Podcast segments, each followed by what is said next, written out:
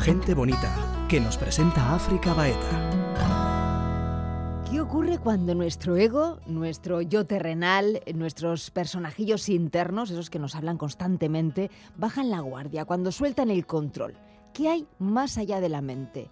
Hoy analizaremos con Ramiro Calle los estados más elevados de conciencia, el único lugar donde realmente podemos conocer lo que somos. Gente bonita con África Baeta.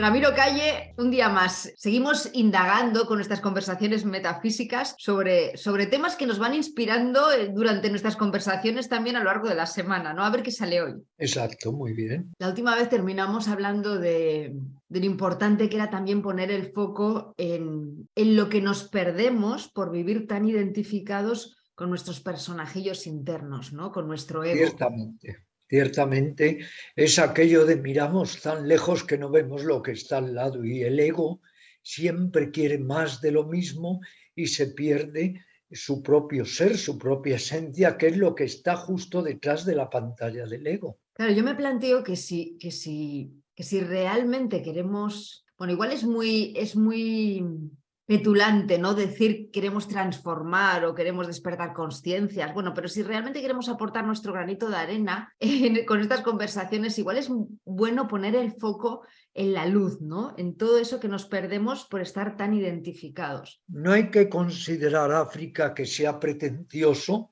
el tratar de ayudarnos a nosotros mismos y en la medida de lo posible a los demás.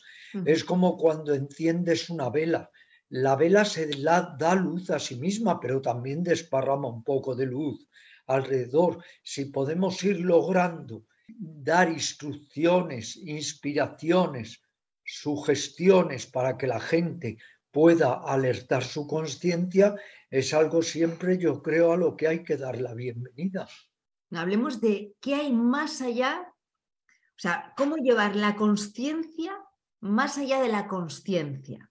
Sí. quizá para, para entrar en este tema, lo primero que hay que aclarar, ¿qué es para ti, Ramiro, la conciencia? Sí, la conciencia, dicho de una manera muy coloquial, para no entrar ahora en indagaciones académicas, es ese órgano o función de la mente que nos permite darnos cuenta, permite percatarnos, incluso darnos cuenta de que nos estamos dando cuenta, que eso sería la autoconsciencia. La conciencia en todos nosotros es crepuscular, es muy débil. Tenemos una conciencia maquinal, instintiva, pero que no hemos desarrollado. En los mismos evangelios y en otras tradiciones hay muchas parábolas o símiles que invitan al desarrollo de la conciencia, que igual que la levadura crece, la conciencia puede crecer, puede acrecentarse. Si estás más consciente, eres más intenso, eres más vital, percibes mejor, sientes, conoces, disciernes mejor. En suma, la conciencia es lucidez y no hay nada tan deseable para un ser humano como la lucidez porque infinidad de errores y horrores que hemos cometido a lo largo de la historia de la humanidad los hubiéramos evitado. Pero si hablamos de conciencia, y ahí me surge la duda, eh, no existe, o sea, cuando, cuando acallamos la, la, mente pensamiento, la, la, mente que sufre, ¿no? la mente ordinaria, podríamos decir, ¿qué es lo que hay? ¿Eso es conciencia? Lo que hay ahí es una función o factor de la mente que es capaz de darse cuenta de lo que está pasando en la mente. Es como conciencia de la conciencia. Te pongo un ejemplo. Tú estás observando una flor, tomas conciencia de la flor, pero si tú en ese momento sientes o percibes de que percibes o observas la flor, estás jugando con una amplificación de la conciencia. Eres consciente de la flor y eres consciente de que eres consciente de la flor. La conciencia puede extenderse, amplificarse, intensificarse. La conciencia es como un foco. Tú lo puedes dirigir en una u otra dirección. Pero si estás más consciente, estás más vivo. Si estás más consciente, te das cuenta de lo que sucede fuera y dentro de ti.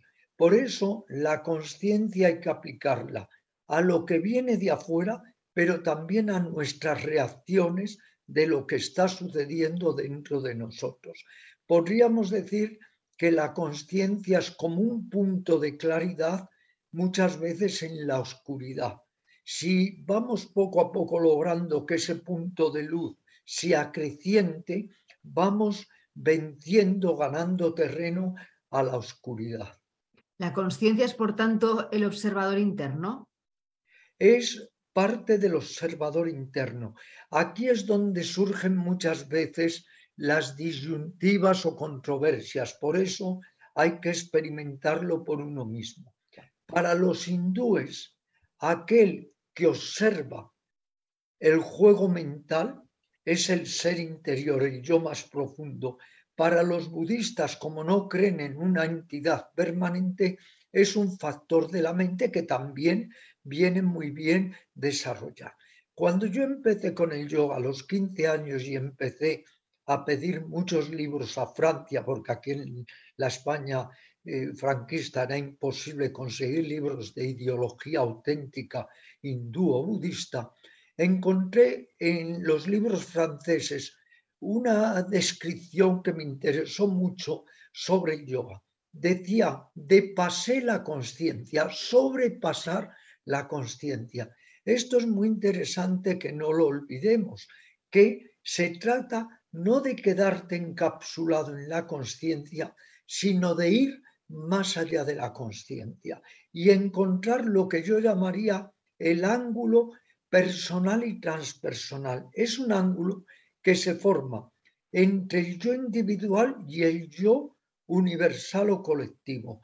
Ese ángulo está más allá de la mente ordinaria.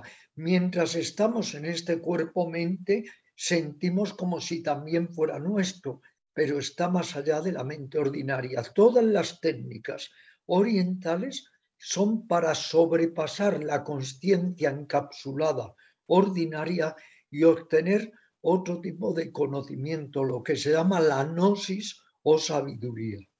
ahí está, e, en ese ángulo, ¿no? Está, está una de las claves, yo creo, fundamentales cuando muchas veces se dicen, bueno, pero si al final el observador tampoco existe, porque el observador también es el ego.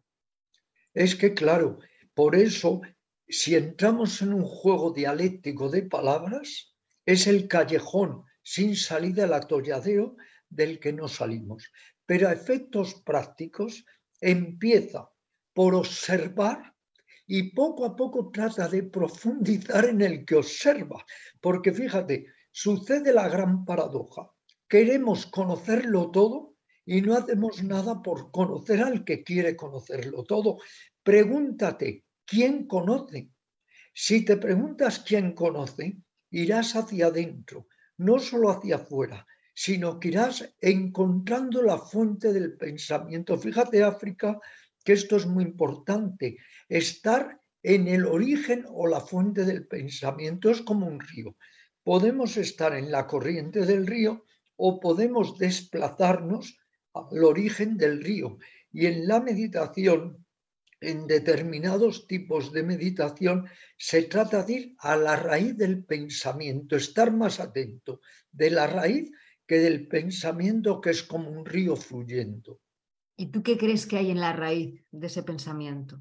Bueno, te voy a poner un ejemplo. Yo no he jugado nunca, no he sido nunca jugador, pero indudablemente sé lo que es el juego del póker, más o menos, y sé algo que es evidente, que se dice que para ver las cartas del contrario hay que pagar.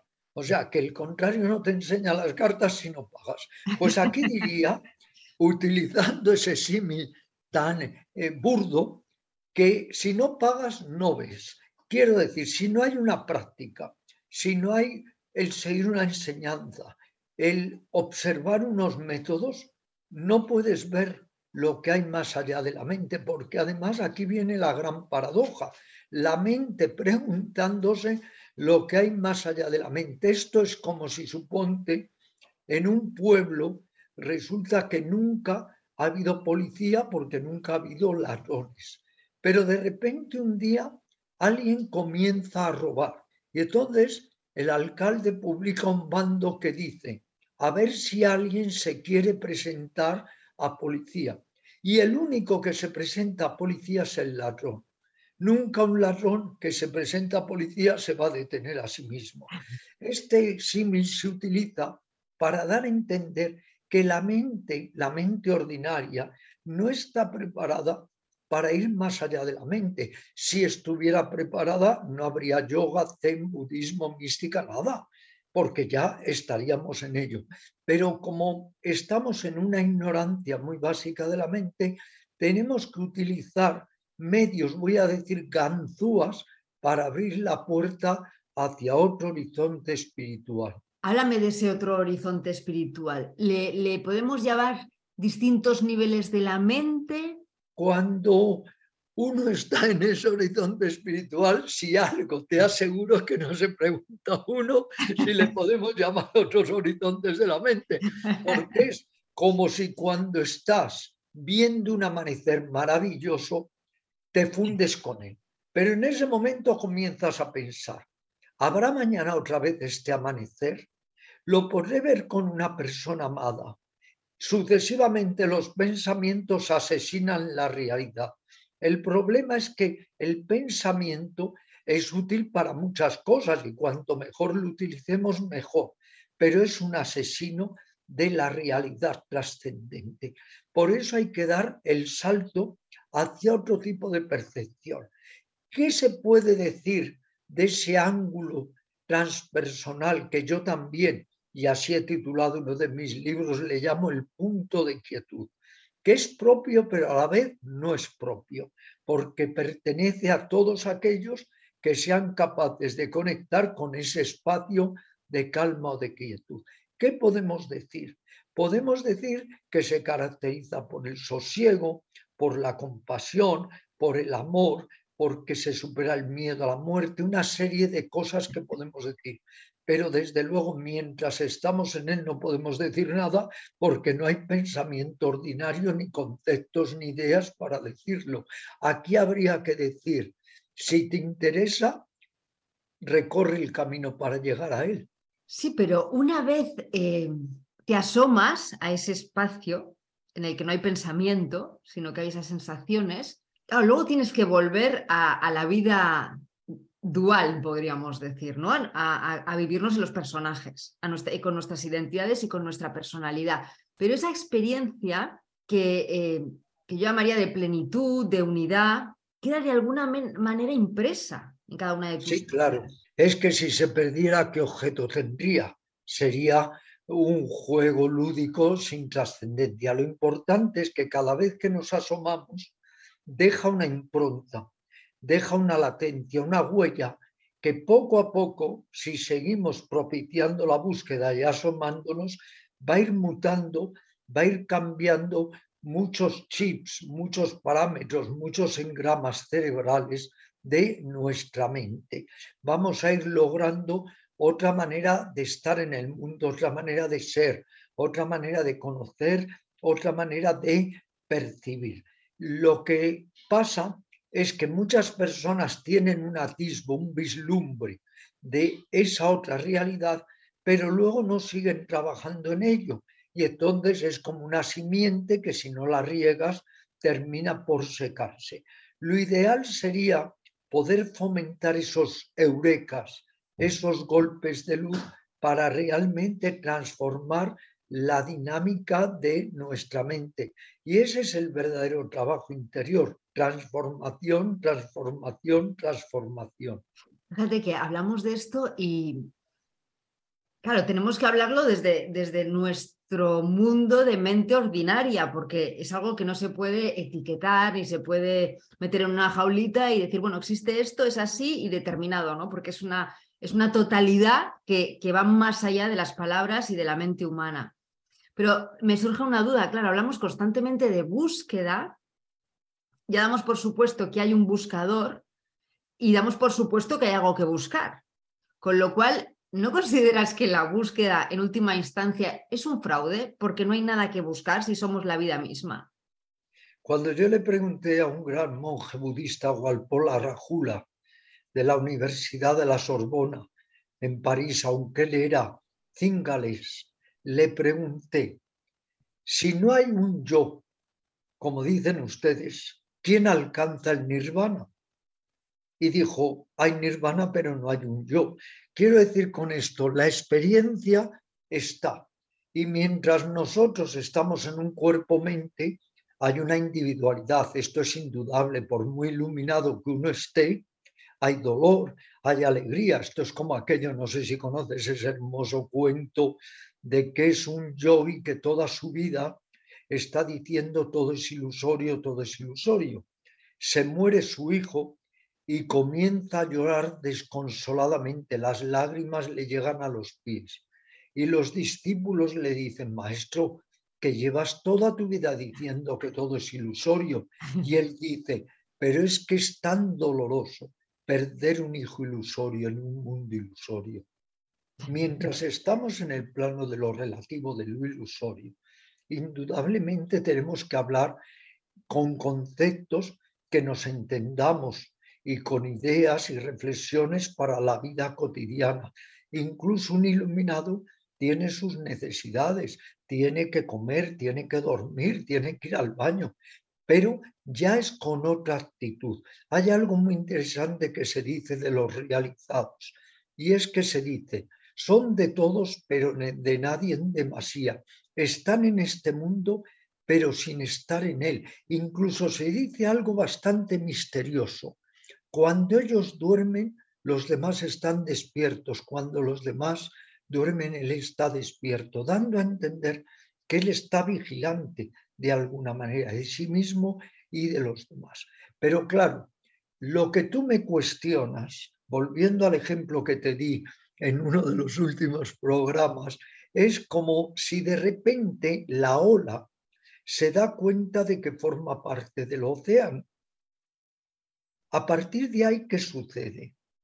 Mientras es ignorante y cree que es una ola independiente del océano, pero el día que se da cuenta que forma parte del océano, ¿qué sucede? Es que ya es el océano, ya no está pensando como ola. Antes pensaba como ola. A partir de ahí siente como océano. Por eso se dice tanto el sentimiento místico, el sentimiento de unidad. Se dice también que el liberado viviente no tiene el sentimiento de diferenciación le preguntaron a un yogi que se supone estaba muy, muy elevado, le preguntaron, ¿cómo veis, cómo veis las cosas? Y dijo, luces todas mezcladas, un todo luminoso. Entonces, ¿cómo podemos hablar de ese estado tan elevado de conciencia? Es como te digo otras veces, el tornillo del portaaviones no puede comprender toda la dinámica del portaaviones. Bastante tiene con entenderse un poco como tornillo. Hablar a veces de esos estados de conciencia que son inasibles a la palabra y al concepto es estar enredando con algo de lo que no vamos a salir. Y cuando la gota se sabe como océano, claro. Eh, surge la, la, la confianza total y la aceptación total. Ya no hay necesidad de controlar la vida. Nada. No, sobre todo hay una cosa. ¿Cuánto control hace falta para llegar a no controlar la vida? Aquello de el discípulo quejándose a su maestro. Es que yo solo veo el sinsentido, el sinsentido, el sinsentido, y le dice el maestro, y cuando atravieses el sinsentido verás el sentido. Lo que sucede es que no podemos aplicar unos instrumentos muy limitados para algo que es ilimitado. Otro ejemplo muy burdo, porque a veces hay que recurrir a estos símiles. Si tú y yo vamos en un coche con la idea de llegar a un país que está más allá del océano, cuando llegamos con el coche a la orilla del océano tenemos que cambiar de vehículo, ya no nos sirve el coche, hay que coger una barca.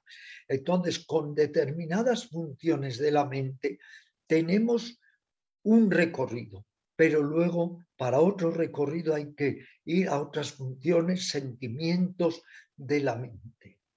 Y ahí me lleva a, pensar en el método. O sea, cuando ya, o sea, cuando ya descubres lo que realmente eres, el, método no tiene sentido, ¿no? Porque el método no es más, es otra vez el ego intentando controlar el proceso para alcanzar una meta.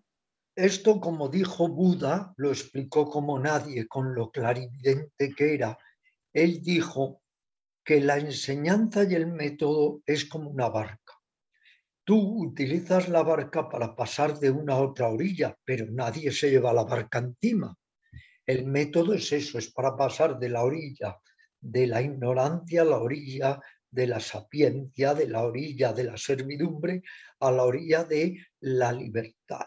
De todas maneras, muchas veces cuando uno entra en este, en este tipo de polémicas, la propia palabra te atrapa, porque el ser humano es muy dado a elucubrar. Y hay que cambiar la elucubración por la presencia. O como decía mi gran hermano espiritual Babaji Sivananda de Benares, que no haya pensamiento sin acción, dando a entender que muchas veces el pensamiento es como un nudo que si lo sigues apretando cada vez está más ennudado, hay que soltar. Y la meditación es eso, es soltar, dejar los pensamientos para encontrar al testigo de los pensamientos. Ahora, si tú me preguntas, ¿y quién es el testigo? Es donde yo te tengo que recurrir al ejemplo que he utilizado del juego del póker y decir, hay que pagar para saberlo, porque claro, si nunca uno trata de indagarlo, pues todos son palabras al final. El proceso de soltar, tú has utilizado la palabra soltar. Fíjate que, que claro, el otro día lo hablábamos, ¿no? Como tanta frase hecha, tanto contenido de, de positividad, de espiritualidad por todos los rincones, ¿no? también es una palabra como muy manoseada, ¿no? El suelta, suelta, suelta. Por eso me gustaría que explicaras bien el concepto soltar, porque hay un momento en el que realmente se suelta esa mente ordinaria y es cuando entonces puedes acceder a lo que hay más allá de la mente ordinaria. Sí. Eh, ¿Cómo se realiza ese soltar? Claro, y cómo también te lo está preguntando mi ego controlador, ¿eh? Ojo. Los hindúes, los hindúes dicen que cuando pierdes la cabeza pueden suceder dos cosas.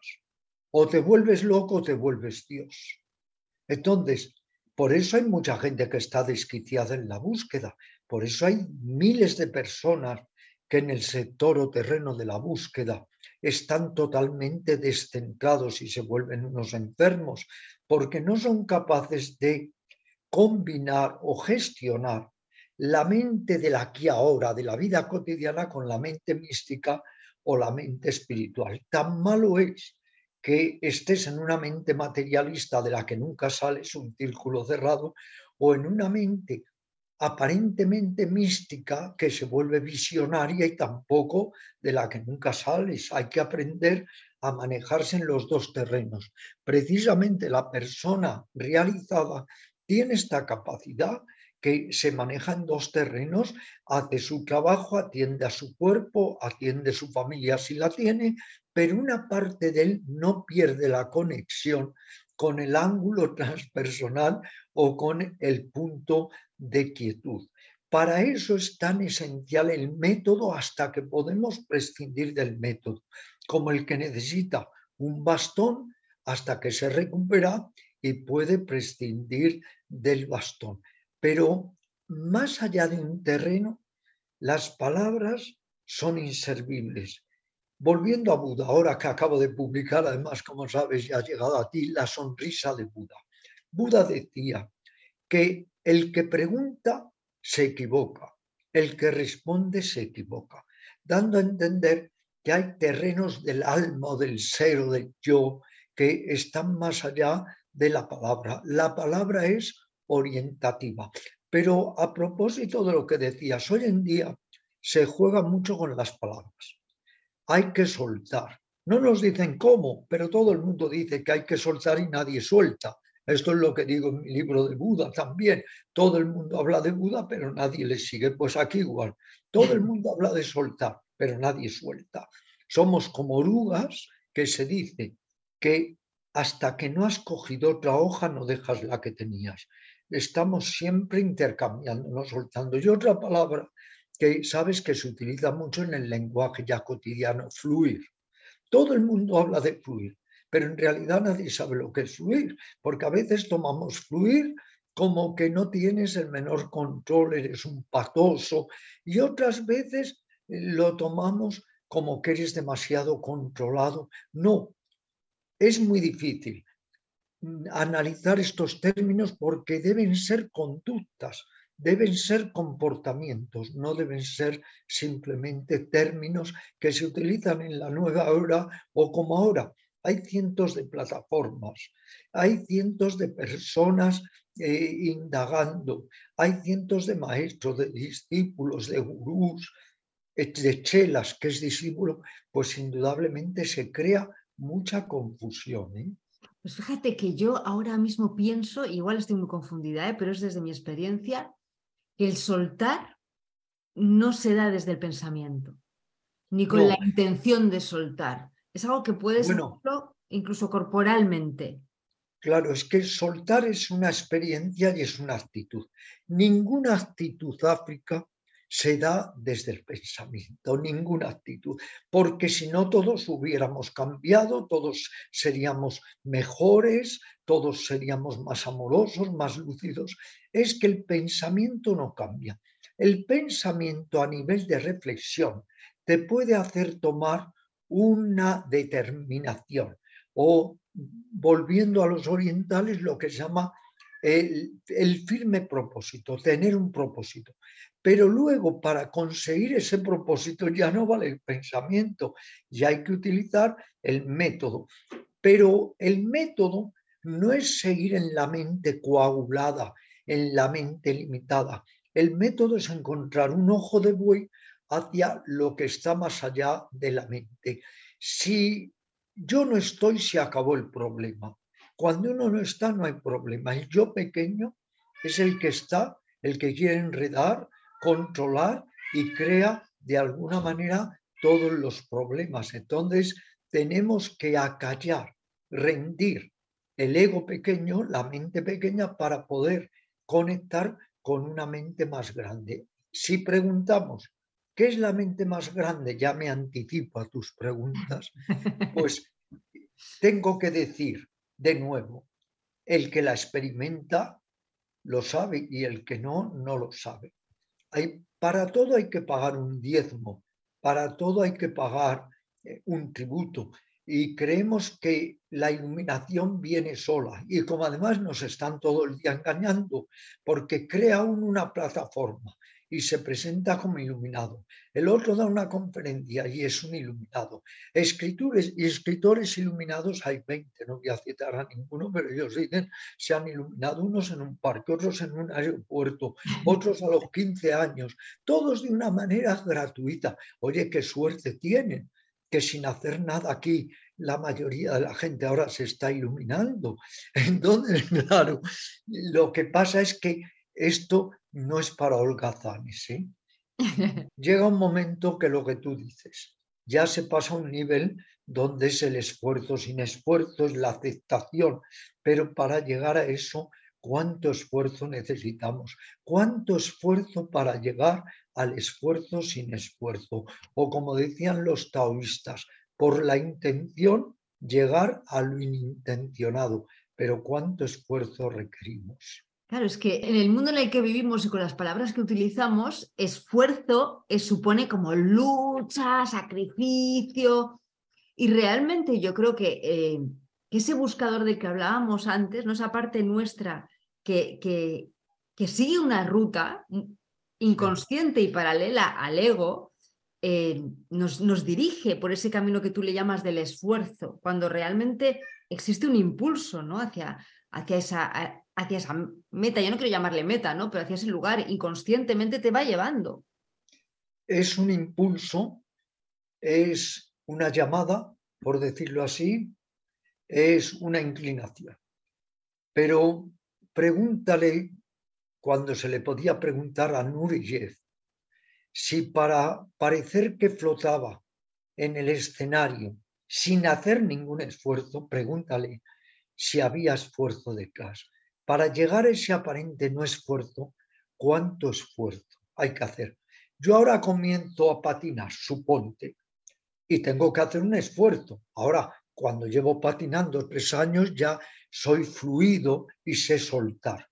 El problema es que creemos que todo ello nos viene gratuitamente y todos, todos los grandes maestros honestos nos han dicho que para todo hay que aplicar voluntad o volición.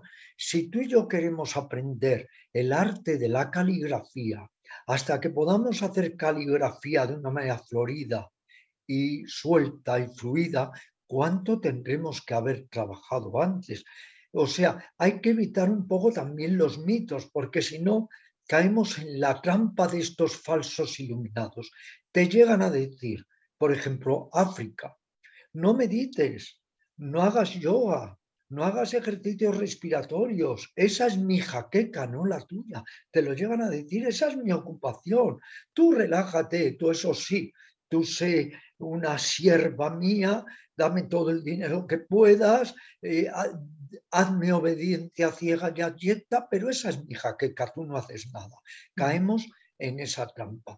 Y repito, para llegar al no esfuerzo, a verdaderamente soltar, a verdaderamente fluir, cuánto esfuerzo hay detrás. Para llegar incluso a ser espontáneo, hay que haber hecho antes un esfuerzo, no digo un esfuerzo compulsivo, llámale voluntad, cierta disciplina, método, pero es que si no, si tú no riegas las plantas de tu jardín, no pueden desarrollarse. La misma, la misma palabra cultivar quiere decir promover, ayudar.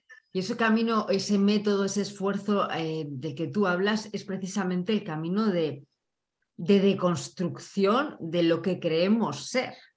Sí, ese es un camino muy duro porque nadie quiere soltar lo que cree ser. Sí, pero tiene un precio, un precio maravilloso porque a medida que te vas deconstruyendo, vas sintiendo como libertad, mayores dosis de libertad. Mayor libertad. En muchas personas surge lo que se llama el miedo, el vértigo a la libertad. Es que no quieren ser libres. Es que se da el caso de que una persona lleva en prisión, suponte 50 años y cumple su condena. Y un día el alcaide de la prisión le dice, ahora usted ya puede irse y la persona se aterra, lo que quiere es volver a su celda, que ha decorado un poco, ha puesto un par de postes, la ha hecho un poquito más íntima y no quiere salir al mundo libre. ¿Cuál es la peor atadura? ¿Cuál es el peor enemigo? Que no queremos ser libres. Que porque hay miedo, hay miedo, a, ese, vacío, a ese desierto que hay que atravesar. Claro. Para alcanzar realmente la libertad mayúscula. Claro es que hay que atravesarlo. Es que le dices a veces a una persona, despójate de todo. Y dice aterrada, ¿y con qué me quedo? Lo, que, soy, tengo, ¿no? lo que tengo es malo.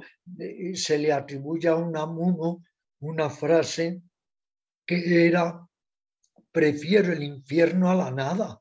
Es que hay personas que prefieren infierno, prefieren el infierno de un matrimonio a dejar el matrimonio, el infierno de un amigo que les maltrata a dejar al amigo, el infierno de un trabajo a dejar el trabajo. Es que es muy difícil atravesar esa noche oscura del alma. ¿Por qué el término de las nadas de los místicos? Porque es ir atravesando nada tras nada. Incluso uno puede creer que ya no hay más nada y resulta que hay más nada. Y hay una frase que me encanta que es, en el mundo de las nadas nunca el alma está penada. Si no hay nada, no hay pena, porque no llego. Pero claro, ¿quién suelta su ego? Sobre todo en esta sociedad donde todo es retroalimentar más, más el narcisismo, el ego, la falsa personalidad. Qué bueno.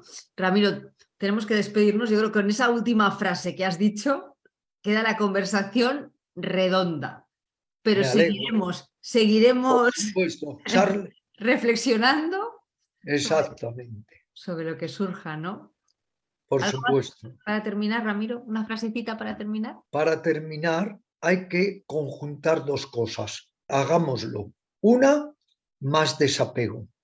Y otra, más saber mirar a nuestro propio ego para que no nos subyugue ni nos domine. Así que ahí dejamos esos deberes nada fáciles, querida África.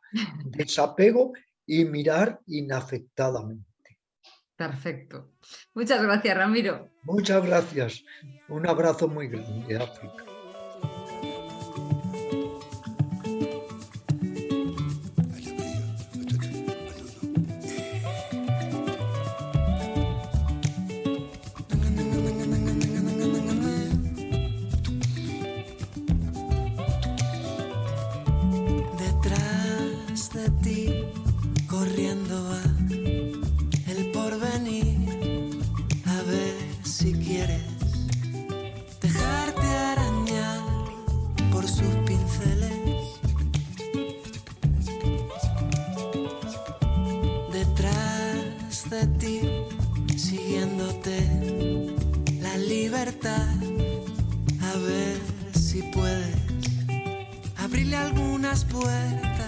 soltar las redes.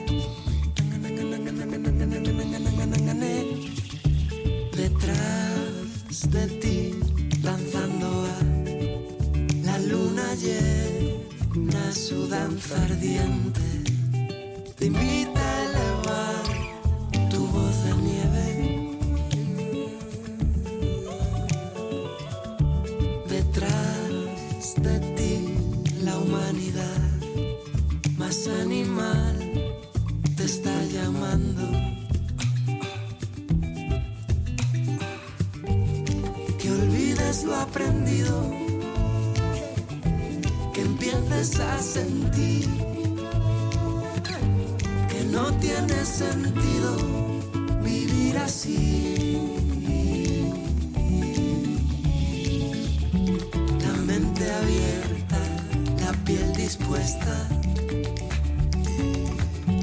las alas puestas, la mente alerta.